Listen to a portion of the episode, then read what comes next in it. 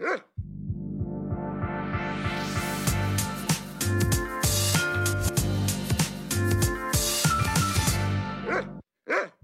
her det er en spesialepisode av Hundorama. Det kan godt være at dere hører både fugler, trafikk og folk bak oss, for vi er nemlig ute i dag.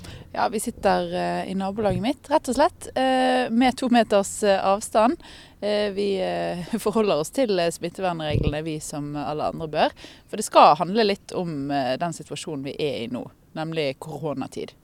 Og koronatid det er også ei rar tid for dyra våre, for kjæledyra. Jeg leste i en artikkel i NRK at de blir mer klengete. Og det er faktisk også min erfaring. Jeg har en hund som heter Molly, som er seks år, en vippet. Egentlig ingen nærhund, men nå er hun plutselig veldig opptatt av oss. Ja, for dette, uh, dere har hjemmekontor? Nå er vi jo hjemme hele tida, da. Og um, da vil hun plutselig ligge inntil beina. Og samboeren min han sitter mye på sånne videokonferanser. Og da hopper hun opp. Hun vil ha labbene i fanget hans, helst egentlig sitte oppe og være med på det som skjer. Men det rareste da, det er at hun har lagt til en sånn vane der hun på en måte dåner. Hun stiller seg opp, og så sier hun sånn Åh! Så detter hun bakover. Og så eh, gir hun seg liksom ikke før hun får oppmerksomheten vår. Så det er blitt litt annerledes nå i disse korona, koronatidene. Ja, det høres rart ut. men Nei, jeg, tror, jeg har ikke merka noe på Henry egentlig. Han er litt sånn, han er en borrelås i utgangspunktet. Så han, hvis jeg går på kjøkkenet, så følger han med, og så bare hører jeg liksom tasselydene. Men sånn har det alltid vært, så det er ikke noen endringer der. Men jeg tenker jo det er litt sånn viktig for folk å være obs på nå når man, man, er så mye hjemme med hundene sine, at man tenker at det kommer en tid etterpå òg. At man skal faktisk tilbake i jobb igjen, forhåpentligvis. Eh, og at man da tar litt høyde for det. At man lar hunden være litt alene innimellom på dagtid når man skulle vært på jobb, sånn at det ikke blir for stor overgang for hunden. Ja, akkurat dette her har vi dessverre ganske mye erfaring med, for min hund den har jo separasjonsangst. Så jeg vet hvor mye arbeid det er med å um, jobbe med disse her periodene. At man må stå på, ta litt og litt, være vekke kanskje i fem minutter, og så kan du utvide til ti minutter, og så plutselig blir det en halvtime. Mm. Um, ja, så ikke glem det. Hunden Nei. må nødt til å være litt alene, ja. ellers så blir det trøbbel i andre enden. Ja, Det trenger ikke være sånn at man går ut og er ute en hel arbeidsdag, men bare la den være noen timer, 20 eh, minutter en dag og et par timer en annen dag. Så, så tror jeg det man sparer seg for mye. Jeg har jo lest det mange som på en måte eh, opplever at hunden får separasjonsangst når de har hatt ferie, f.eks. For, mm. for da har hele familien har vært hjemme i flere uker, sant? og så plutselig så forsvinner alle. Det kan sikkert være litt traumatisk for hunden. Ja, og forresten så er separasjonsangst noe vi tok opp i den episoden som heter 'Lydighet og problemer', så det er bare å gå tilbake og høre på den. Og så er det jo eh, andre aspekter ved denne eh, koronapandemien. Vi i Spaniaklubben, jeg er jo engasjert i Spaniaklubben i Holland, og vi eh, har jo i hvert fall opplevd mange der at uh, det er veldig mange som kommer og er interessert i å ha lyst til å få seg valp nå. Mm. For dette nå uh, mener de at de har tid, mange som er hjemme. De tenker liksom at uh, det hadde vært kjekt med litt selskap, og så vil de ha seg hund. Ja, svigerinna mi også er en av dem. Hun vil ha seg hund. Men ja. det er også lange ventelister nå. Mm. Det er nettopp fordi at det plutselig har blitt så populært. Men jeg, jeg, på en måte, jeg syns jo at det er forskjell på det og hvis man skulle ha valp uansett, og bare det at du er litt ensom og har lyst på å ha selskap når du sitter på hjemmekontor. Jeg er med på det. Ja, for det er jo liksom, Skulle du ha hund uansett, og du ser nå at det er et kull av den rasen du hadde bestemt deg for, og du vet at oppdretteren er oppegående mm. og eh, kjører eh, på med etiske retningslinjer og alt som er, så tenker jeg da er det jo greit å ta kontakt, og at man på en måte framskynde det, hvis man f.eks. i utgangspunktet skulle vente til sommerferien. da. Men hvis du på en måte bare nå kjenner at du er litt ensom og har lyst på en hund, så eh, ville jeg tenkt meg om to ganger. For hunden er der eh, når dette viruset forsvinner òg. Og det er ganske mye arbeid med hunder, så jeg håper folk vet hva de går til. Men apropos det der, da, fordi at Dyrebeskyttelsen de opplever jo økt pågang. For det er jo så mange som tar kontakt fordi de vil ha katt. Ja. Men de vil ikke ha katt de vil egentlig bare ha dem nå. Altså ja. passe dem for en periode. Så det blir jo litt feil, mener jeg da. Ja, med mindre de har sånn kjempeakutt behov for uh, kjempemasse fosterhjem. sånn i, over en kort periode, så, så tenker jeg òg at det blir litt feil. Litt forvirrende for en katt da, å være hjemme hos noen bare for en liten periode, Ja. og så er det tilbake på uh, Senter, Dyrebeskyttelsen ja. sitt senter. Men uh, ja ja, jeg vet ikke. Kanskje, kanskje det er OK med en ferie derifra òg, men eh, ja, man blir jo glad i disse dyra, da. Ja, man blir jo det. Og jeg, eh, jeg ser jo den, fordi det er jo mange som eh, Mange kombinerer jo dette med å få seg et dyr når de har ferie. sant? Og det er jo en lur ting. Og nå har man jo på en måte Man har jo ikke ferie hvis man har hjemmekontor, da, men hvis man er permittert f.eks., så, så er jo det på en måte sånn rent tidsmessig en grei periode å få seg et dyr på. Men så tenker jeg òg, er man permittert, hvordan står det da til med økonomien? Man må huske på òg at det koster ganske mye. Sant? Det er ikke bare tidkrevende, men det er, det er ganske dyrt òg. Jeg har noen ganger begynt å prøve å tenke sånn hvor mye har jeg brukt på Henry siden jeg fikk han, men da stopper jeg ganske kjapt, altså, for det, det er ganske store summer det er snakk om, altså. Jeg vil faktisk ikke vite det. Men vi driver og kjøper bare fôr fra veterinær, og det er liksom ikke måte på hva man kan bruke på hunden. Faktisk mer enn jeg unna, eh, unna meg sjøl. Ja, faktisk. Og jeg tenker bare på alle kursene man er på. Det er jo ofte et par tusenlapper hver gang. sant? Og, nei, det er, ha det i bakhodet òg hvis du tenker på å få deg eh, hund.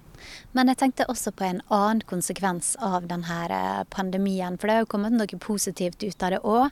Fordi i eh, Kina, det er jo der koronaviruset opprinnelig kom fra, nå har det faktisk blitt ulovlig å spise hund og katt eh, i en av byene der. Og myndighetene driver og ser på et lovforslag om de kanskje skal gjøre det ulovlig i hele landet. Og for meg som er så glad i dyr, så eh, syns jeg det er en kjempegod ting, da. Ja, men, men er ikke, i Norge har vi jo ikke forbud mot det. Nei, det er litt rart å tenke på, men her er det jo sikkert litt færre som har lyst til å spise katt og hund. Jeg tror ikke det er så mange som griller hund her. Eh, er, er det litt dobbeltmoralsk å på en måte være så imot spise hund og katt, og så er det helt greit med kuer og sauer og griser og Nei, jeg vet ikke, altså, men det som er med meg, er at det, det er ingenting som eh, gjør meg så provosert og forbanna enn å se disse her eh, kjøttfestivalene der de skal grille hund. Det syns jeg bare er så makabert. Ja, og så er det jo noe med hva forhold de lever under. For jeg tenker jo sånn, i utgangspunktet hvis Jeg ville aldri spist hund sjøl, bare la meg ha det klart. Men hvis hun har hatt det godt og har levd et fint liv og sånn, så blir jo det det samme som en gris eller en ku. Mm. Eh, og det er jo det som jeg tror kanskje er det viktigste her, er altså dyrevelferden. Ja, forskjellen her er jo disse følelsene vi knytter til det. Da. Ja. At vi er, er opplært i å ta vare på dem på en annen måte og er glad i dem. Har ikke du sett Heldiggris på Babe, du? Griser har følelser, de òg. Ja, jeg husker det. Det var traumatisk det, Ja. når vi var barn. Nei da, men jeg skjønner det. Så det er jo på en måte noe bra. Og eh, selv om vi ikke har et lov, altså forbud her, så er det jo fordi det kanskje ikke er nødvendig. Mens der borte så må de kanskje ha det for å slutte med det.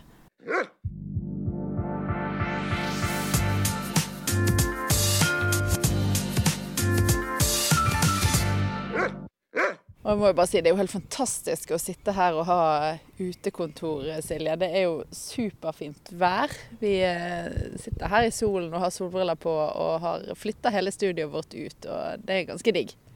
Og du ser jo det også når du er ute og går, at eh, hundeeierne de er ivrige nå. Det er veldig, veldig veldig mange folk som er ute. Ja, det er sikkert mange hunder som aldri har fått så mye tur som de, de har fått nå de siste ukene. Det er jo, det vrimler jo av hunder på, på fjellet òg. Og da- blir det sånn Er det sånn at man bør òg der egentlig tenke litt over at man ikke går sinnssykt lange turer med hunden hver dag hvis man ikke har tenkt å fortsette med det når man skal begynne på jobb igjen? Er, er det sånn at man bare trener hunden opp, og så får man en superfrustrert hund når man eh, ikke holder ved like det? Vi vet jo ikke hvor lenge dette skal vare, så da må vi egentlig bare begynne å gå litt sånn kortere kortere Ja. turer nå da, for å komme seg ned igjen.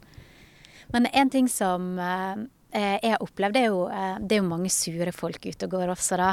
Som driver og roper sånn 'hold avstand', 'hold avstand'. Og selvfølgelig, ja, vi skal holde avstand. Noen er jo redd for å bli smitta av korona ved å klappe andre sine hunder. For smitten den kan jo eh, overleve i pels. Ja. Eh, og da er det jo det samme som gjelder som hvis du er på butikken og tar på ting. Altså god håndhygiene. Og vi kan jo bare råde til å følge myndighetenes eh, retningslinjer for dette her. Det kan være at noen hørte litt sånn uh, babyklinking bak oss her. For vi har uh, faktisk uh, tatt med oss min lille gutt ut. Ja. Og for noen episoder tilbake så tok vi opp det temaet. Hvordan vil det gå etter man har fått baby? Hva skjer med mm. hunden da? Så vi kan jo kanskje ta en liten sånn oppsummering av hvordan det har gått. For Elise, du er jo også i samme situasjon. Ja, jeg fikk en liten datter for uh, en god måned siden. Jeg syns egentlig det har gått veldig fint. Jeg var veldig spent på Henry, for han er jo en særing. Han, uh, han Jeg har rett og slett skjemt han litt vekk, da.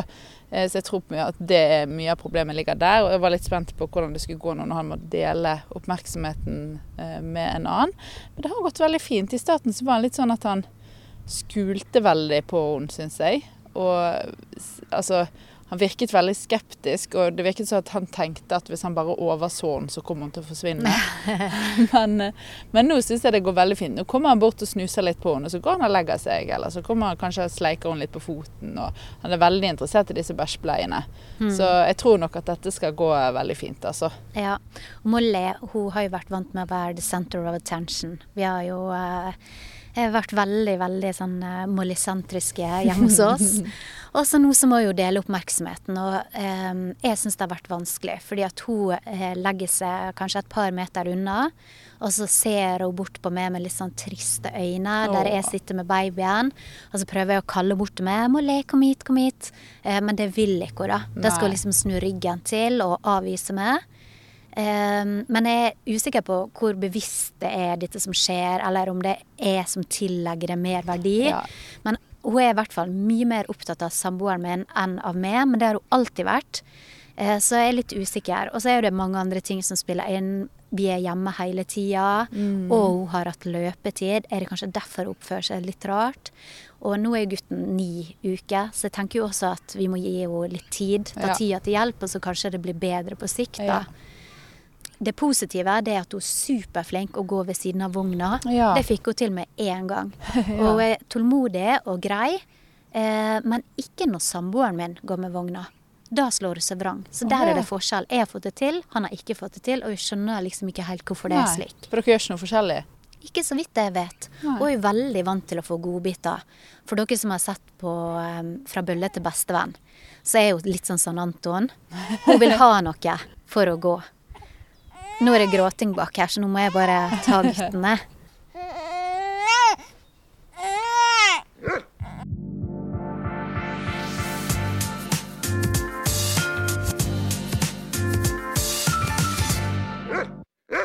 Og da er gutten mett og fornøyd igjen.